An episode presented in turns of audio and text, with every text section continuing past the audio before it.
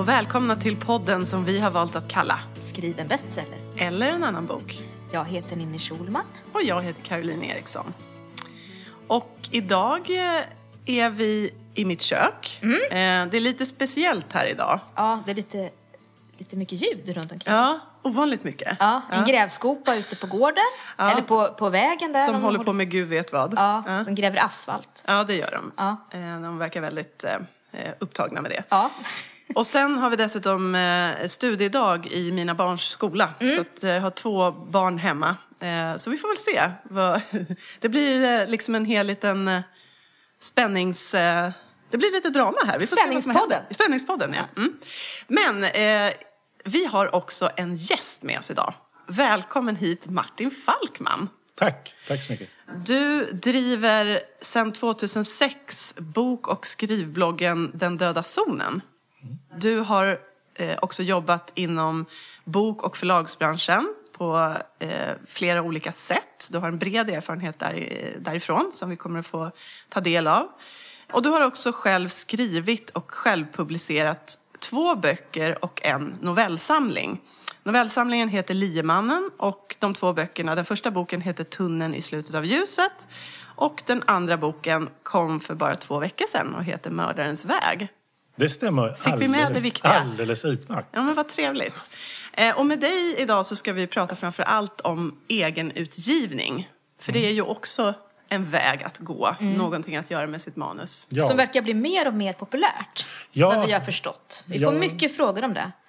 Jag får också ganska mycket frågor om det faktiskt eh, när jag är i olika sammanhang, när jag träffar folk och sådär. Så när jag berättar just att jag valt att själv publicera. De flesta ställer ju automatiskt frågan, eh, vilket förlag kommer du ut på? Och då säger jag alltid att nej, jag har valt att ge ut själv. Och så då blir det ju alltid en massa följdfrågor. Så det, finns ju, det finns ju väldigt mycket frågor kring det och väldigt mycket nyfikenhet. Eh, som, som jag jättegärna delar med mig av. Vad är de vanligaste frågorna som du får? Alltså den allra vanligaste frågan är nog helt enkelt, hur gör man? Det, det är Mm. Hur gör man? Ja, precis. Det är, ska jag säga, det är både lätt och, och svårt att, att svara på. För att det är ju såklart varierande beroende på hur du gör. Mm. Det finns ju flera olika sätt att ge ut dina egna böcker på. Men, men de flesta cirkulerar ju såklart kring att man använder någon slags publiceringsverktyg eh, via webben någon tjänst eh, där du, där du köper mer eller mindre färdiga paket eller paket där du själv måste göra en viss del av, av arbetet och sen kan du så att säga köpa in det andra. För min del så är det ju så jag har gjort, att jag har använt en, en tjänst på nätet där jag sen har skräddarsytt mina egna behov utifrån ja, men vad, jag har, vad jag har velat göra eh, med mina böcker.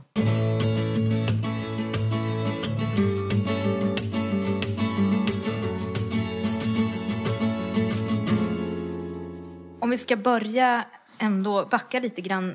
Varför valde du att självpublicera från första början? Var det ett, ett medvetet val eller var det för att du inte blev antagen? För man kan ju också känna en frihet, tänker jag, i att faktiskt ha makten själv och så finns det för och nackdelar. Men hur, hur gick det till när du tog det beslutet? Det var lite speciellt. Eh, Jag hade inte grundtanken att jag skulle själv publicera först utan jag blev antagen av ett förlag. Ett litet förlag eh, i Halmstad. Som eh, tyvärr sen gick i konkurs. Okej. Det är ju lite grann så i bokbranschen att det är ju väldigt svårt för de små förlagen. Eh, Och då hade vi egentligen kört hela cykeln med införsäljning och, och allting. Eh, Jag hade ett omslag och jag hade ju liksom ett färdigt manus. Jag hade varit igenom det med en, med en redaktör eh, eh, som förlaget hade anlitat. Ehm, vad som sen hände när de gick i konkurs, det var ju att jag var ju tvungen att ha ut min bok ändå, för den var ju färdig. Och jag hade pratat om den i sociala medier och, och sådär.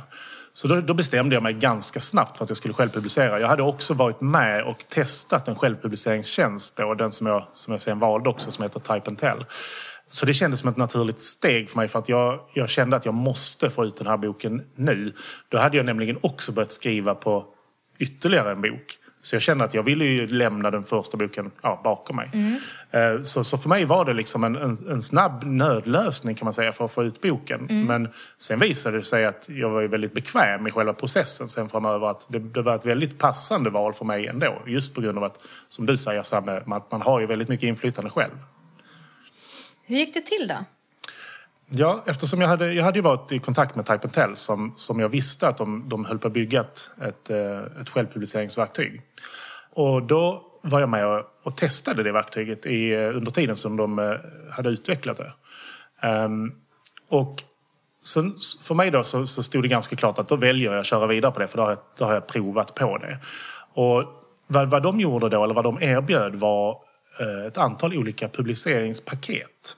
Eh, där man helt enkelt väljer att köpa det paket som, eh, ja, men som passar ens, ens behov. Och då, då ingår det liksom lite olika saker i de här paketen. Som vad? Um, men det kan vara uh, i, i grund och botten, så att säga, grunderbjudandet uh, som jag köpte då. Uh, det var att det ingick, alltså att man, man köper tryckning och um, e-boks, e-bokskonvertering och att det läggs upp i vad som heter bokinfo. Jag vet inte riktigt om, om alla som lyssnar vet vad bokinfo är.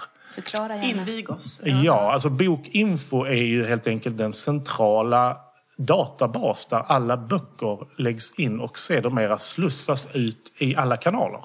Mm. Det vill säga eh, vanliga bokhandlar kan beställa dem men framförallt så hamnar de också på nätbokhandeln. Mm. Och det ingick i det här eh, paketet. Um, och sedan var det också press... Det ingick också tror jag, ett pressmeddelande och också att de gjorde en intervju om jag ville så att säga sälja in en intervju till någon tidning. Mm. Um, och sen så, ja men sen ingår det allt det här med ISBN och att, ja, de, ja, det här som ja, man här som liksom, måste till. Ja, basic-grejerna. Ja. Liksom. Mm. Och, sen så, och sen så finns det då så att säga lösa tjänster så att säga. Alltså att man, man kan välja till helt enkelt sina... Det är lite som ett smörgåsbord brukar jag eh, likna det vid. Att du kan ju välja till exempel om du vill eh, Ja men alltså vill du, vill du jobba mer med något mer pressmeddelande eller vill du jobba för har du inget omslag till exempel så kan du ju köpa till att de gör ett omslag och då kostar det någon mm. slant. Och då har ju de kontakter. Mm. Och samma gäller korrekturläsning, eh, redaktörstjänster. Eh, ja, men alltså alla bitarna ja. finns att köpa till. Både vad gäller liksom innehåll och form så att ja, säga. Och precis. även eh, PR eller i alla fall ja, åtminstone, en antydan ja, till. Åtminstone ja. en antydan till PR. Ja. PR är ju, det, det, kan vi ju diskutera, det är ju en helt ja. egen en helt egen grej. Det är ja. ju det som är det svåraste när man själv publicerar kan jag säga. Vi kan komma till det sen. Ja, ja. Men får jag bara fråga innan vi, innan vi går vidare där, för jag tänker att du, eh, för dig blev det automatiskt så att du använde det här verktyget och mm. hade de kontakterna, du fick vara med och testa det och så vidare mm. och så mm. valde du det. Eh, men det, vi ska ju säga också i ärlighetens namn att det finns ju andra liknande verktyg och tjänster. Var du inne någonting och, och överhuvudtaget liksom tittade eller jämförde, även om du nu hade bestämt dig? Var du inne och tittade och jämförde eller har du någon eh, liksom, ja, känsla för mm. eh, vad det finns att tillgå och vad som skiljer eh, de här olika alternativen åt? Ja, alltså jag var inne lite grann och tittade. Det finns ju en del så här hybridförlag kallas det, det vill säga förlag som, som så att säga står för eh, en del av produktionen och en del av kringarbetet. Eh, där du betalar då, eh, du, författaren har en, en insats, ekonomisk insats och sen gör förlaget då sin grej. Så jag kollade ju faktiskt på, på några hybridförlag eh, och tittade lite grann, kalkylerade lite grann utifrån vad det skulle kosta och jämförde. Och där, där fattade jag ju beslutet att, att köra med den tjänsten jag körde på grund av att till att börja med så hade jag ju redan gjort allt det här redaktörsarbetet mm. i princip.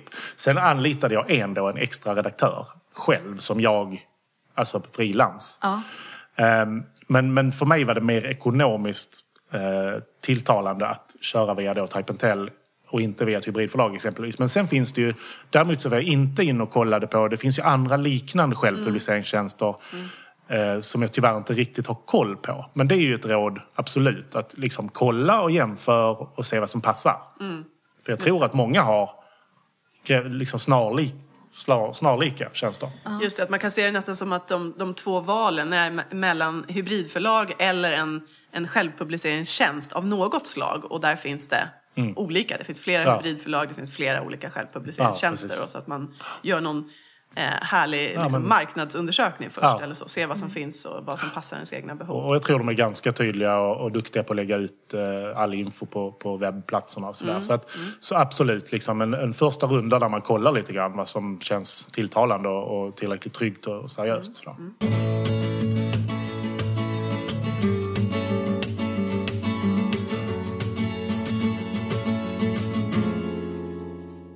Vad tycker du är det viktigaste man ska tänka på då, som blivande självutgivande författare? Jag, jag tror att det är viktigt att ha koll på ett par grejer faktiskt. Eh, Dels så tror jag så här, rent textmässigt så ska du tänka på det faktum att du har inget förlag som, som sitter och håller dig om ryggen så att säga. Du har ingen redaktör som du kan ha tät kontakt med om du inte naturligtvis betalar en och, och anlitar en som jag gjorde. Så det måste du vara medveten om att du har i grund och botten bara dig själv och det är på gott och ont. Du, tycker du om att, liksom, anser du att du själv har kompetensen och, och sådär så är det bara att köra på det. Men ett, ett väldigt bra tips är att du behöver hjälp. Om du har för avsikt att liksom nå ut brett, att, att eh, ja, men göra ett avtryck någonstans och få uppskattade, uppskattande recensioner och så vidare. Då, då bör du tänka att du, eh, okej, jag ska ta steget längre och eh, kanske anlita någon som redaktörar texten eller sådär. Sen är det också just det här att eh, det du ska tänka på är att du är inte färdig när du tror du är färdig. Och det vet jag att ni har pratat om eh, i podden tidigare. Det blir ju nästan smärtsamt uppenbart när man själv publicerar. Eh, jag kan bara tala liksom ur egen erfarenhet men, men eh, jag har skickat in manus till, till förlag alldeles för tidigt. Mm. Man, där jag- man blir ivrig eh, och, Ja. och vill vidare. Och sen Ja. så, Eh, Och det, och det tror jag att för min del, och eftersom jag någonstans har haft grundinställningen att jag ska själv publicera den här också. Så har jag så här, ah, men, men jag måste kolla vad förlagen säger först. Och då har jag kollat med förlagen lite för tidigt. Så att då har det inte manuset varit så här hundraprocentigt genomarbetat. Och då har förlagen känt sig tveksamma. Så att det är väl möjligt att om, jag då hade, om man jobbar igenom det längre så, så har man också andra möjligheter att nå, nå förlag. Men, men det där är, det är lite svår avvägning eh, kring hur, hur man ska gå. Liksom. Man kanske bestämmer sig för självpublicering direkt. Eller så har man tanken att ja, men jag, jag självpublicerar men först vill jag kolla med de här förlagen. Och, och då är det viktigt att veta att eh, kolla inte förrän du är, har kommit längre i, i textprocessen. Liksom. Just det. Vi kommer ju prata mer om det här med, med coacher och lektörer nästa avsnitt. Så att det är inte klart än. För att vi, det är vår käpphäst att man är inte klar när man tror det. Och att ge ut en bok, det ska man väl också tänka på kan jag tro. Att det handlar inte bara om att ge ut boken utan att faktiskt det man ger ut är så bra som man, som man kan. Absolut. Och speciellt om man har, som du sa, alltså om man har kommersiella anspråk. Om det inte bara är så att man trycker en bok för att man ska kunna eh, liksom, skriva sin, ja, någon släkthistoria eller så som ska nå ut till eh, nära och kära. Utan man har ett kommersiellt anspråk. Då är det ju viktigt att eh, tänka på det. För att, eh, som sagt, det är ju någonting man verkligen gör som förlags eh, anknuten författare så jobbar man ju jättemycket med texten tillsammans med sina eh, med både förläggare och redaktör. Sådär. Exakt. Ja, jag, känner ju, jag känner själv liksom att eh, jag är ganska aktiv i, i sociala medier. Och jag, jag, känner, jag, jag kan känna en enorm avund ibland när jag ser eh, vad, ja, men vad ni författare som, som ligger på traditionella förlag eh, när man ser att till exempel nu har jag skickat iväg mitt manus, Ja. nu har jag fått respons och det var si och så. Och att, att det finns hela den här processen. Och då, kan, då kan jag känna en viss avundsjuka för att alla behöver ju den processen i någon form. Så jag kan känna att ah, jag vill verkligen ha en redaktör som jag kan, kan bolla med liksom på en regelbunden basis. Eh, Så, så, att, eh, så är det ju. Men du köpte ju in en tjänst. Hur fick du Ja. tag på den personen? Alltså det fick jag ju genom eh, mitt kontaktnät egentligen. Jag, eh, jag frågade runt lite grann bland eh, mina förlagsvänner och eh, bad om rekommendationer på, eh, på redaktörer. Och, men även så kan man säga att eh, ja, men på, på den tjänsten som jag använder, då, Type Tell, där finns det också en lista. Alltså, du, det finns en lista på föresla, föreslagna redaktörer och korrekturläsare och så vidare. Så det finns liksom ett, ett antal kontaktpersoner där. Står det någonting om dem då? Alltså sådär, eller är det bara namn? Det, det Hur är, man ska välja? det är en ganska jag. bra fråga. Jag eh, kommer inte riktigt ihåg. Nej. Det var en väldigt konkret fråga. Men ändå, jag bara tänkte, för om man, om man inte har mer än ett namn så är det svårt också att veta. Jag är inte säker riktigt. Nu är jag ju en sån här Google-människa. Så att jag eh, googlar ju alla namn jag får ganska eh, omsorgsfullt. Men eh, naturligtvis ska man ju kolla, man ska kolla lite grann så här. Så, men i mitt fall så gick jag via rekommendationer och, eh, Det låter ju klokt. eh, och kollade. Så då fick, jag, fick jag tag i eh, Annika då, som var min redaktör. För det- det känns som att det krävs också att den här redaktören, förutom att vara duktig rent språkligt, att den kanske kan genren också. Ja, ja absolut. Det, det är såklart. Och tycker den genren är intressant och kul. Mm, Det tycker jag man måste vara väldigt, eh, när man anlitar eller när man tar in offert eller vad man nu vill kalla det. Då måste man vara ganska transparent med vad det är man skriver, eh, vad redaktören i fråga kan förvänta sig. För att när man riskerar sina egna pengar, då är det också väldigt illa om man lägger ut en, en, en thriller hos någon som faktiskt tycker om ja, men skön, annan skönlitteratur till exempel. Feelgood. Ja. så att, så att det, det är jätteviktigt.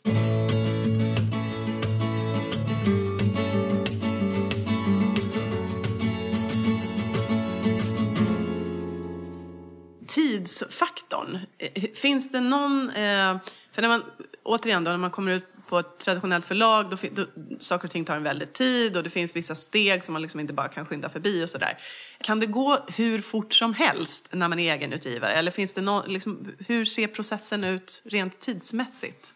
Det där är en jättebra fråga. Svaret är att ja, det kan gå i princip hur fort du, du vill att det ska gå.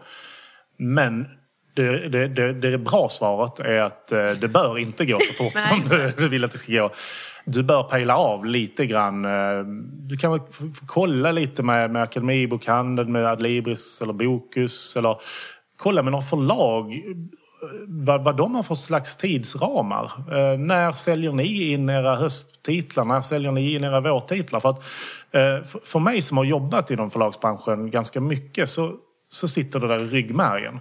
Jag vet ju till exempel att eh, inom förlagsvärlden då är det ju nästan, det tar ju ett år från det att man ja men det kan ta ännu längre tid. För att det ska säljas in, det ska placeras i säljcykler och, och för att till exempel Akademibokhandlarna, Libris och så här ska kunna planera in det i sina inköp. Um, och det där vet ju jag. Ehm, men det där är en, en viktig grej att titta lite grann på och faktiskt ställa lite frågor och, och så. Generellt kan man ju säga att det man ska vara medveten om är att eh, vänder man sig till exempel till nätbokhandeln så visst, de, de köper ju in Eh, löpande men, men man kanske inte bör liksom kontakta dem under sommaren eller vintern eller inför, innan rean. Så att man, man, man bör kanske ha det i vissa andra perioder. Eh, medan när det gäller eh, bokhandeln, den fysiska, då är de ju väldigt mycket mer restriktiva med sina inköpsperioder. Nu kommer jag inte exakt ihåg dem, men jag vet att inför min andra bok, då Mördarens väg, då kontaktade jag flera stycken så här inköps... Eh, alltså bokhandelsinköpare, JB-gruppen, Ugglan, Akademibokhandeln. Och så frågade jag dem, jag hittade deras eh, kontaktadresser på nätet tror jag. Och så frågade jag, hej, eh, jag tänker själv publicera denna boken då och då. Är det vettigt och när behöver ni i så fall någon slags underlag för mig för att eventuellt kunna köpa in den? Och Eh, fick då du svar jag, då? Ja, absolut. Det fick jag. Då fick jag svar. Vi har varit inköpsmöten under, om det var november eller vad det var, för... Ja, nu, nu kommer jag inte riktigt ihåg, men, men absolut, jag fick svar. Som du kunde då planera efter? Ja.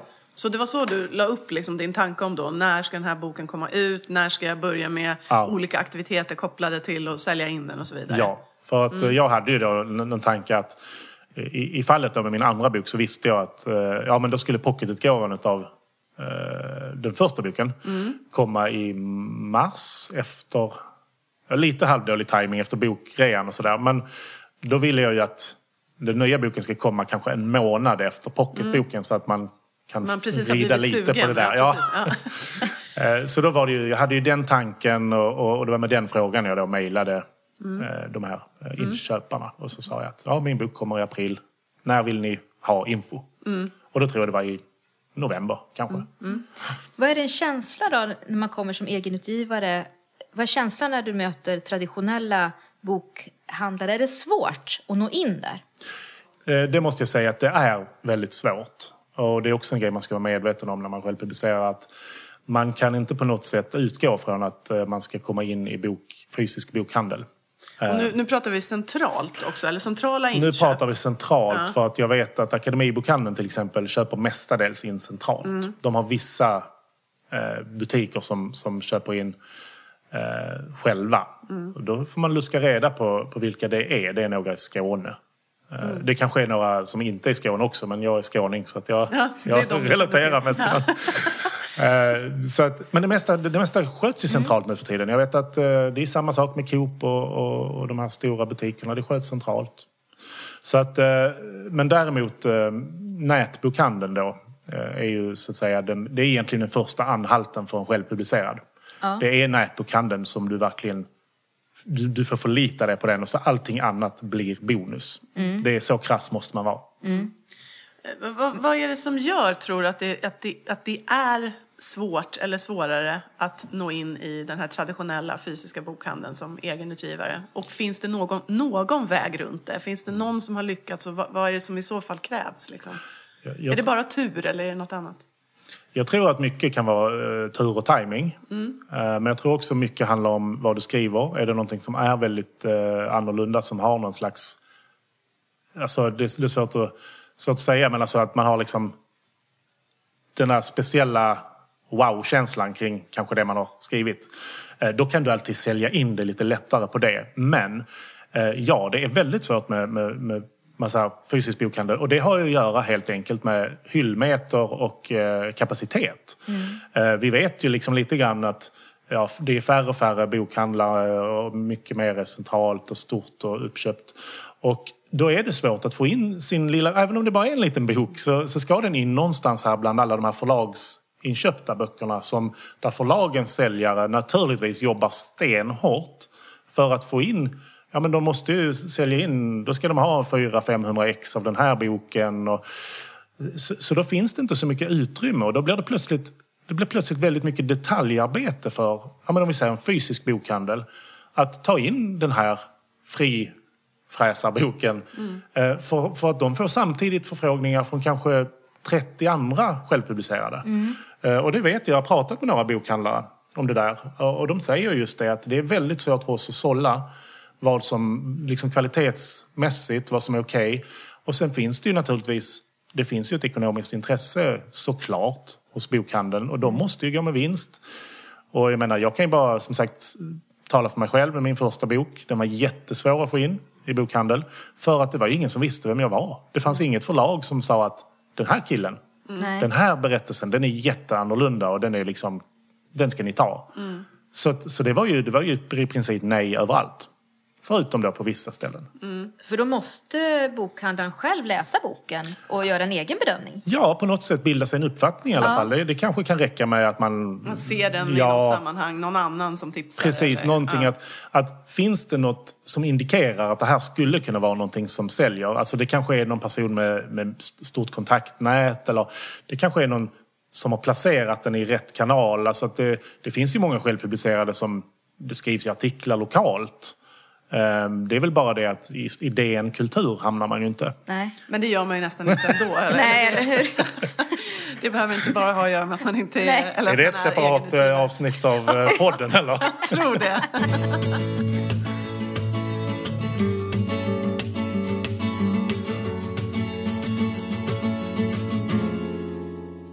Hur långt kan man komma? Du sa förut att det fanns i det här självpubliceringsverktyget som du har använt nu eh, så fanns det ett, ett antal tilläggstjänster. Hur långt kan man komma om man köper till de här tjänsterna och var måste man själv eh, ta vid som egenutgivare? Jag tror att du kan komma i princip så långt du vill vad det gäller produkten. Det vill säga du kan få en schysst formgivning, bra inlaga, schysst redaktörad text så att du har en jättebra bok. Det kan du absolut få via självpublicering om du bara är beredd att, alltså ja, egentligen betala för det. Och vad, vad, om vi ska bara säga ungefär, vad, vilka summor rör det sig om? Du säger att du har köpt in en redaktör externt, privat och så. Vad, vilka summor handlar det om? Alltså man får nog räkna med att, att, att ge ut en bok så att säga hela vägen med, med formgivning, med redaktör, med, med tryck. Jag tror man får räkna med, säga, man ska ha en upplaga kring tusen böcker kanske. Det är ganska mycket för en, eh, en eh, självpublicerad okänd författare, ska vi ha klart för oss. Eh, Men då får man ju räkna med att man landar någonstans mellan 40 och 50 000. Det är så pass mycket. Det är så pass ja. Varje liten grej du, du adderar på ifrån din egen sida, det, det blir ju kostnad. Mm. Formgivare kan ju kosta allt mellan 5 och 15 000. Eh, Vill du ha någon som är eh, så att säga har ett gott renommé, någon som har gjort väldigt många omslag som du gillar, vilket är ett bra tips. Kolla på vilka formgivare du tycker om. Men då får du vara beredd att, betala för det. Det, är- det, är liksom, det är den bistra verkligheten. Jag menar, jag sålde ett flipperspel för att kunna ge ut min första bok. Det är så illa är det alltså. Och det är stort för dig, eller hur? Ja, för mig är det ju Ja. ja. det är verkligen stort. Jo, men jag tänker du har en annan eh, historia kring flipperspel. Så... Ja, ja det, det är en annan podd. Ja, precis. Eh, Det är ytterligare en podd. Flipperpodden, det finns ju en. Ja. Och man ska inte snåla då heller. Nej, jag tycker inte det. Alltså, det beror återigen, för det var som du var inne på Caroline, att, att vissa vill ju bara göra... Jag vill trycka upp 20 exemplar till släkten eller 30 exemplar. Och vissa vill kanske bara kunna säga att de har skrivit en bok och det tycker jag är, det är härligt. För, för i många fall så är det ju det man vill bara. Men så fort man har det här lite kommersiella aspekten, då ska du inte snåla. För att då hamnar du i den här sitsen att bokhandeln kanske inte tycker att det är tillräckligt professionellt. Eh, omslaget kanske inte riktigt är så snyggt som det skulle kunna vara. Det vill säga att nätbokhandeln, där, tar- där lyfts den inte. Så, att, så att när du väl, jag tror det där är en avvägning du får göra. Du får fatta ett beslut och sen får du köra på det. Så får du, får du vara beredd på att ja, men det kommer kosta lite grann. Eh, Jag kanske måste sälja ett flipperspel. Eh, Men, eller var det nu motsvarande. Ja. Så, så jag tror att man måste vara eh, inställd på det. Och hur mycket av de här pengarna kan man få tillbaka sen? Jag tror man, man kan få, det finns ju ett nollsummespel där någonstans. Ehm, Jag menar, skulle du sälja till exempel, trycker du en upplaga på tusen Och säljer alla? och säljer alla, då får du ju, då får du ju tillbaka pengarna. Ja. Men, men sen tycker jag det, det, är också, det är också en helt annan eh, diskussion, den här kring ekonomi. Eh, det försvinner ganska mycket i, i så att säga, kostnader och skatt. Eh, så att, så att, men, men absolut att du kan nå ett noll, nollsummespel eh, om, du, om du till exempel trycker tusen. Eh, jag tror att någonstans för mig så ligger break-even på ja, men 600-700 x tror jag. Ja, okej. Då går det plus. Ja, och det beror på vad man sätter för F-pris. Det beror på hur, mycket, hur många, hur många så att säga, centrala inköp du får och sen så returer. Ja, Ja, och, precis. och, och annat. Så att Och det är, ju- F-pris är... ja, förlåt. Det är ju ett försäljningspris på vilket eh, så att säga, bokhandeln lägger sitt försäljningspris. Men man kan säga att det är förlagets eh, försäljningspris till bokhandeln. Eh, och de brukar ligga mellan 100 och 150 när det gäller inbundet. Eh, och häftad, som, som i mitt fall så har mina böcker varit häftade, då har, jag tror jag har lagt dem på 130 eller något sånt. Eh, så då kan man alltid räkna upp lite grann vad pris, då kan man liksom inbilla sig lite grann att nu lägger de på si och så mycket. Ja, och så, så, ehm, det. så blir det utpriset. En, en viktig faktor, nu blir det här nu är det lite off topic nästan, men när det gäller att du ska sätta ditt pris sen, då måste du också vara beredd att ge rabatt. Lämna rabatter. Om du pratar med någon, någon bokhandel så, så, så kanske du har satt ett pris på 140, men då kan du kanske snacka med dem och säga att men vet du, ni får köpa in den för 110. För att alla förlag, de riktiga förlagen, jobbar med rabatter. Eh, Så bokhandeln är van, förväntar sig att det är, ligger rabatter på inköpen. Man ska kunna pruta lite. Ja, precis. Och är det någon liksom förhandling då i att men, eh, handlar det om ett antal X då så får man en större rabatt och, och Ja, så, saker? så kan det vara rent... eh, Så kan det vara absolut. Jag personligen har bara satt en rabatt rakt av som jag meddelar alla. Ja, okej. Så säger jag, köper ni in den så får ni den här rabatten. Har det funkat bra, tycker du? Det har funkat bra, Ja. absolut. Men då för att sälja de här 500 eller 600 exen eller 1000 exen eller fler, vad man nu, alltså gå break-even eller börja tjäna pengar, då måste man ju liksom sälja boken. Och jag, jag tycker det, det hänger i luften här att man, man har i samtalet nu att, att det är också här det, det händer någonting som egenutgivare. Eh, som skiljer sig åt från en författare som finns på ett förlag. Ja. Alltså, vi har ju också såklart ett ansvar att vara med och sälja våra böcker men inte liksom på det här eh, verkligen konkreta grundläggande sättet att verkligen bara Mm. distribuera boken, få, den att kom, få den att komma Ja. ut i handen, få den att synas. Vad, eh, vad har du för erfarenheter och, och tips och tankar där? Grundinställningen måste vara så här att jag vill ha ut den här boken. Jag är beredd att jobba jävligt hårt för det. Eh, och som så är det absolut så. Det som är tips är att vara proaktiv i din införsäljning. Och, och det där är en, en, grej man kan vara på olika sätt. Du kan vara det genom att till exempel ja, men kolla upp det här med, med inköpscykler mm. och så vidare. Skriv en schysst säljtext till din bok. Skriv ett, alltså, du kan köpa pressmeddelanden naturligtvis via de här paketen. Eh, har du själv kunskapen till det, skriv ett eget. Eh, ta reda på adresser, skicka ut. Eh, gör allt det här som förlagen normalt sett gör med sin PR-avdelning. Mm. Där tror jag ligger mycket i hur du kan förbereda att liksom åtminstone ge dig själv möjligheten. Sen så vet jag, någonting som jag själv är ganska kass på, det är att sticka ut till butikerna själv Ja, just det. Vad har, du för, vad, har du för, ja, exakt. vad har du för lokala bokhandlare? Men åka ut och presentera dig, visa din bok. Berätta liksom hur den kan köpas in. Eh, och hela den biten att du gör liksom fotarbetet. Mm. Och där är jag jättedålig för att jag är så rädd för att prata med människor. Ja, det, det kan vara livsfarligt. Men jag tror att du delar det med många ja. som sitter och skriver också. Ja. För att om man, man ja. gillar att skriva så kanske man inte är den här artisten i nej, första hand. Nej, men precis. Man måste kunna, det, det är klassiskt så här, man måste ju ha en säljpitch för sin bok. Det är ju skitsvårt. Jag vet inte vad jag har för säljpitch för min. Liksom. Eh, men, men så det måste man ha. Man måste, man måste kunna sälja in den. För att som självpublicerad så är det så, du kommer inte hamna i bokhandeln om du inte liksom, kom igen nu, nu, nu säljer du in din bok. Och det kan tycka, och det där vet jag är skitskrämmande för många. För vadå sälja in sin bok? Jag har ju skrivit en bok, det räcker. Ja, just det. Jag menar, jag vill ju inte, alltså, jag är ju ingen utesäljare liksom. Jag vill bara skriva den här boken så vill jag att så många som möjligt ska läsa den. Men så inser jag någonstans att ja, men jag måste göra de här grejerna. Och, och där har jag själv absolut brustit. För att där har man inte tid riktigt heller. Så man har ett annat jobb, man har kanske familj. Man har ett så kallat liv. Mm. Eh, vad det nu än kan vara. eh, Några flipperspel? ja, exakt. Jag har ju faktiskt ett... Jag har, har faktiskt, inget kvar? Jo, jag har faktiskt ett flipperspel ah, kvar. Okay. Eh, vi får se hur länge. Ja, just det. det kanske ska ges ut någon mer bok. ja, exakt, exakt.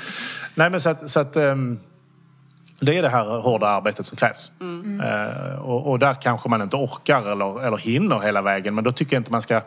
Alltså det viktiga tror jag är bara att hitta någon slags nivå där man, där man känner sig bekväm. För att som sagt, jag skulle kunna göra jättemycket mer för mina böcker. Jag skulle verkligen kunna vara aktiv och vara ute. Men jag, jag har inte haft tid och kanske lust med det. Mm. Då får det vara så. Men då kan jag inte heller förvänta mig kanske att boken kommer stå på ICA Maxi när jag kommer dit. Nej. Så att, ja, men ni förstår, det, det är liksom... Mm. Det är ju där arbetsinsats. Ja. Och sen kanske man inte alltid får tillbaks heller i, i hur mycket du har lagt ner. För det är väldigt svårt att sälja böcker. Mm. Det jättesvårt. Särskilt när ingen vet vem du är. Ja. Mm. Hur har du gjort då? Har du en hemsida? Ja, jag har använt bloggen en del. Mm. Um, och, och liksom omvandlat den nästan från en bokblogg till en författarblogg. Eller mm. skrivblogg och intervjuer författare. Och sådär. Så jag har försökt få, för, för spridning via bloggen. Men sen, sen jobbar jag ju väldigt mycket med sociala medier. För att det, det är också ett jättebra tips om man själv publicerar. Men, men det är ett bra tips till alla författare egentligen. Att är man bekväm med att jobba med sociala medier, att dela med sig lite grann och, och, och faktiskt bjuda lite på sig själv. Då är det ett väldigt bra sätt att nå ut. Eh, det kanske inte alltid genererar köp, men det genererar kännedom du, du, du bildar ett nätverk, liksom, du, du, skapar ett nätverk och det liksom blir bra eh, spinn på det. Så mm. jag har jobbat väldigt mycket med sociala medier. Jag har varit väldigt eh, proaktiv där då. Och kontaktat bokbloggar, pra, liksom, jag har frågat om de var intresserade av att läsa. Och var de inte det så får man bara respektera det. Eh, det är också ett tips jag kan då säga som bokbloggare. Mm. Det är att ligg inte på bokbloggarna för mycket. Det finns kanske en anledning till att de inte svarar när du mejlar. Och det kan ju vara att de inte har tid eller lust mm. eller sådär. Så då ska man inte ligga på för mycket heller. Eh, det har jag kanske råkat ut för i, i egenskap av bokbloggare. Du har blivit eh, ja. ansatt? Ja. Hur reagerar du då? Nej, men egentligen jag reagerar ju inte alls. Nej. Eh, jag blir bara lite irriterad så, mm. så raderar jag mejlet. Mm. Men, man kan höra sig för lite absolut. snällt en gång och sen absolut. så Prestigelöst eller förutsättningslöst. Skicka ett mejl och fråga liksom, mm. låter det här intressant? Mm. Och, så skickar man om, om de tycker det. Mm. Bokbloggarna tycker jag är fantastiska på många sätt för att de är ju sådana enorma bokslukare. Mm. mm. Eldsjälar. Ja, alltså, eller hur. Det, jag har ju liksom, all uppmärksamhet som jag har fått har varit i princip genom dem. Mm.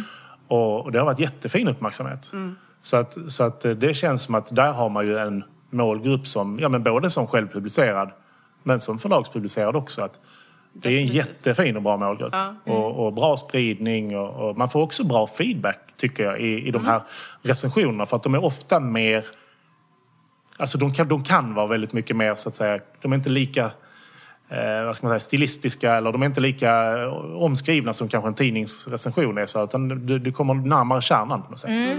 Så att jag gillar verkligen det, på, både när det varit positivt och negativt. Ja, jag måste säga att jag håller med dig. Och bokbloggar är positivt inställda generellt till egenutgivning också.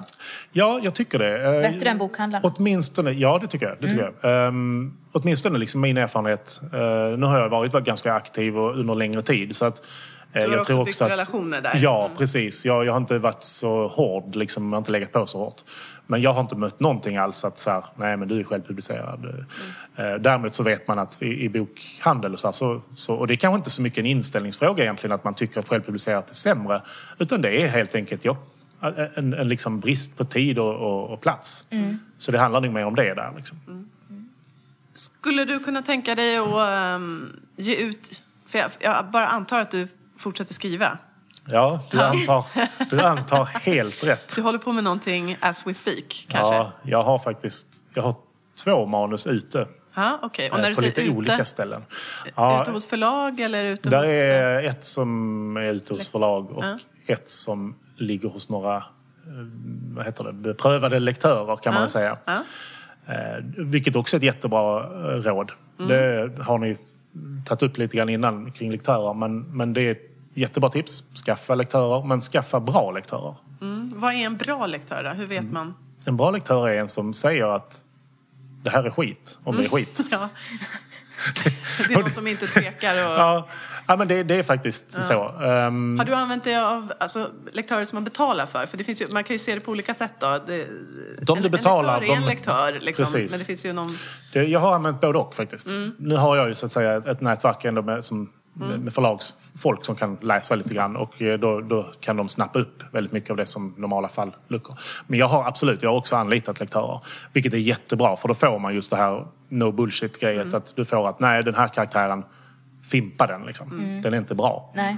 Eh, Eller till exempel när det gäller dramaturgi. Jag har till exempel fått jättemycket eh, ifrån, ja men dels lektörer men också från min redaktör. Liksom så att du måste se över den här biten och dramaturgin. Och, och, alltså man får väldigt mycket konkreta inspel.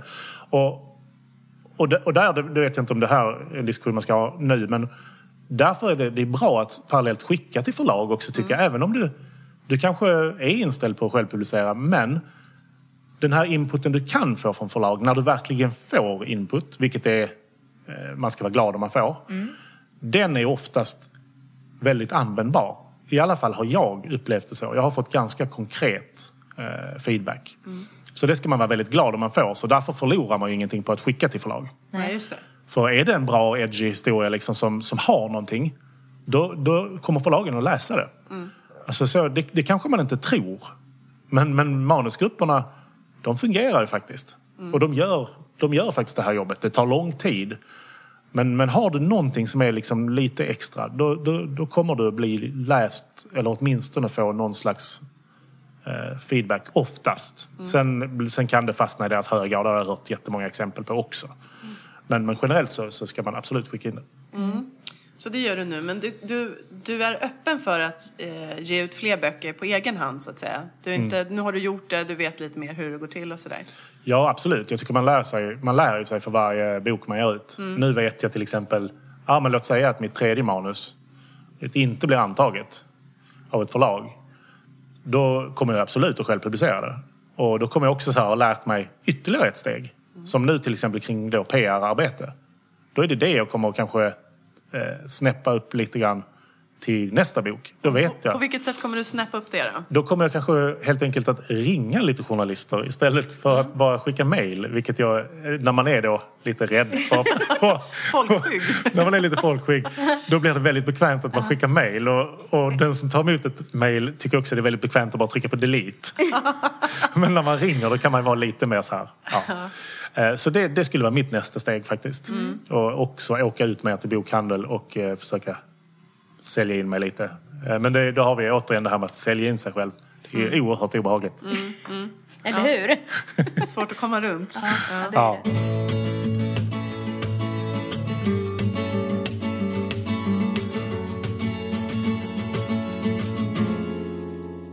Men jag tänkte på det, din eh, första bok har ju nu kommit ut på Månpocket. Det är väl inte så vanligt Nej. för egenutgivning? Hur gick det till? Nej, jag, jag tror det är ganska, eller det, det är väldigt ovanligt. Ja. Men det, det är några exempel på det. Jag vet inte riktigt hur det gick till faktiskt. Eh, Det, jag vet inte. Jag Sålde skickade- du in dig själv då jättebra eller? Jag tror att, Hur hittade de boken? jag tror att boken fick tala för sig själv. Jag skickade Ja. Mm. boken. Jag skickade boken till Mån Pocket. Eh, kanske att jag mejlade dem två eller tre gånger. Och, och, Eventuellt. och, och skrev någonting. Eh, men, men uppenbarligen så var jag nog tillräckligt trevlig i alla fall. Ehm, nej, men jag, jag skickade dem boken och bad dem läsa den. Och, och jag, jag presenterade den som någonting annorlunda, som någonting som inte finns i svensk spänning. Och eh, de höll väl uppenbarligen med. För att de, de tog in den och det var en chansning från deras sida, förstår jag ju. Eh, för det är klart att ta in en, en självpublicerad debutant eh, är ju lite sådär. Men sen hade jag, jag tror att jag har ganska stor fördel av att jag ändå har det här nätverket som jag har. Jag har den här bloggkanalen och alla det här ja, men kontaktnätverket och, och sådär. Så att jag tror det i, i samspel med att min bok är väldigt, alltså min första bok, då, Tunneln i slutet av ljuset, att den är väldigt speciell. Det, har det en gjorde. speciell du, du kan berätta lite vad, vad som är liksom premissen i den här boken. Ja, det är ju en ganska bisarr premiss egentligen. Eftersom det handlar om en man som har gett upp allt hopp om att leva. Han är djupt deprimerad och, väldigt ångestplågad. Och han anlitar helt enkelt en mördare åt sig själv. Och Lite annorlunda Ja. och skriver, och skriver ett kontrakt med honom. Och sen handlar ju boken då om vad som händer efter att man skrivit det kontraktet. Och frågan är egentligen så här, vad, vad händer om du ångrar dig? Precis. Det är det som är så himla bra hook, tycker jag. Det är en fantastisk... eh, Och så där är ju verkligen eh, den frågan. Och det är ju en väldigt annorlunda story jämfört med kanske mycket av det som har getts ut i svenskt. Men där i ligger såklart också problematiken i att det är fortfarande en ganska eh, svårsåld bok så tillvida att det är inte ett kommersiellt det är inte ett lättsmält tema. Det är mycket, det är mycket så här psykisk ohälsa och, och, och sånt också, även om det är väldigt mycket humor. Och, ja, så det är lite blandat sådär. Ehm, så att, så det, har, det har varit eh, tufft. Men det var jätteroligt att, att Mån Pocket fastnade för den och tog ut den. För det betyder naturligtvis jättemycket som, som självpublicerad att man överhuvudtaget kommer in på, på den scenen. Ja, och de har ju kanaler in. Ja, exakt. Då får man en annan, en annan sorts draghjälp. Ja. Så det ska ju såklart bli intressant att se om det innebär någonting för min del framöver. Eh, vi får väl se nu vad bok två, eh, vad som händer med den helt enkelt. Mördarens väg. Ja. Som är en slags pandang kan man nästan säga. till- Ja, alltså det är ju en spegling utav, mm. av Tunneln slutet av ljuset. Eh, där bok ett handlar om den här mannen som anlitar en mördare och bok två handlar om mördaren. Eh, eller De, liksom- de bildar en helhet. Ja, precis. Och, och där hade man ju kunnat tänka att man skulle skriva ihop det till en bok. Men, men sen så insåg jag att nej, det var coolt att göra två volymer av det. Verkligen. Eh, Men som sagt, basen, basen är, är, har jag berättat också någon gång att det är ju den här boken The Collector, eller Samlaren som den heter av John Fowles. Som ju handlar om en man som kidnappar en ung kvinna och håller henne fången i sin källare. Där första halvan av boken är ju som att han gör det här och sen så plötsligt, halvvägs in i boken, så byter de perspektiv. Och det tyckte jag var så kul när jag läste det. Så det har hela tiden liksom funnits i huvudet. Att Så berätta eh, en berättelse Ja, att berätta en berättelse olika- Mm. från flera olika perspektiv. För det är ju naturligtvis så. Det, det vet jag att men all, allting upplevs ju olika av, Mm. av, av olika människor. Och så, så det finns ju frågeställningar eh, kring alla vinklar. Liksom. Ja. Så det är ett spännande, spännande grepp. Jättespännande. Så du bestämde redan när du började med första boken att det kommer en tvåa och då ska jag berätta från en annan synvinkel? Ja, alltså jag, bestämde, det, det, jag bestämde mig ganska snabbt efter att jag hade skrivit färdigt den första okej. boken. För då kände jag att, det, alltså att jag, jag skulle vilja berätta någonting mer. Och då, då är det liksom den här berättelsen kring hur, okej, så att hur blir man så desperat så att man vill ja, men anlita en mördare åt sig själv? Men sen å andra sidan, hur är man funtad så att man vill mörda någon? Ja. Och, och det där, Caroline, vet jag att vi har pratat om lite grann innan. Just så här, vad är ondska och hur upplevs ondska? Och då, då är det väl liksom den biten som jag vill utforska lite i, i mördarens väg. Att, eh, jaha, men hur är det egentligen den här människan fungerar? Eh, Så det är, det är väldigt intressant. Spännande, spännande. Mycket. Men då lär vi få se mer av dig framöver här i, på- ett eller annat sätt. Som egenutgiven eller förlagsutgiven. Det, det återstår att se. Ja. Vem som får den äran. Ja, precis. Vi, någon får äran i alla fall. Ja, precis. Är det någonting innan vi avslutar som du känner att du skulle vilja tillägga om du riktar det direkt till våra skrivsugna lyssnare när det gäller självpublicering? Jag skulle säga att best, alltså det viktiga naturligtvis är att man bestämmer sig. Alltså bestäm dig för vad du vill göra. Vill du självpublicera den och vill du självpublicera den brett för att nå ut på den breda marknaden. Då tycker jag du ska göra det och helt enkelt bara satsa på det. Och som vi sa innan att inte liksom rygga för att ta någon extra kostnad när det gäller till exempel redaktör. För att som sagt, min, en av mina absolut tydligaste eh, erfarenheter själv, det är den att du behöver den där, du behöver den där bolla med. Du behöver någon som kan, kan tala om för dig eh, vad som är problemet i den här dramaturgiska eh, liksom, skapelsen. Eh, eller vad som inte fungerar med karaktärerna. Du, du kan inte riktigt hamna i det där själv. Så mitt råd är det liksom, ta hjälp men framförallt liksom, skriv och bestäm er för vad ni vill ha och sen bara kör på det. Tackar vi dig för att du kom hit Martin. Ehm, Tack så jättemycket för att jag fick Jättekul. komma till er blogg. och böckerna som sagt är. Tunneln i slutet av ljuset och Mördarens väg. Och sen har vi även novellsamlingen Liemannen. Och så kan man besöka Martin på. Instagram www. eller på Den döda zonen. Ja. Och så tackar vi Timmy Strandberg som vanligt på poddbyrån. Och så tackar vi Josh Woodward som vi lånar musiken av. Och nu är det ju bara två avsnitt kvar. Det är ju helt otroligt. Men nästa vecka så får vi besök av Petra König på Skrivarakademin som ska berätta mer för oss om det här med skrivcoacher, lektörer, eh, hur man går tillväga när det gäller den biten. Och sen är det våran sista, sista eh, sändning, höll jag på att säga, men vårt sista avsnitt eh, med frågor och svar. Precis. Eh, Så kör på, sista chansen nu. Och ställa frågor om vad som helst. Mm. Kanske blir något litet glas bubbel där för dig och mig. Ja, det hoppas jag ja, att det blir. precis. Det får, vi, det får vi styra upp. Ja, det tycker jag vi är värda. Ja. Men då så, tack för den här veckan. Och så hörs vi igen nästa vecka. Ja, hej då! Då! A sticky summer's day in Shepherdstown, and Eagle in a thermal is a circling round like a tire on a bike rolling down Columbus Street.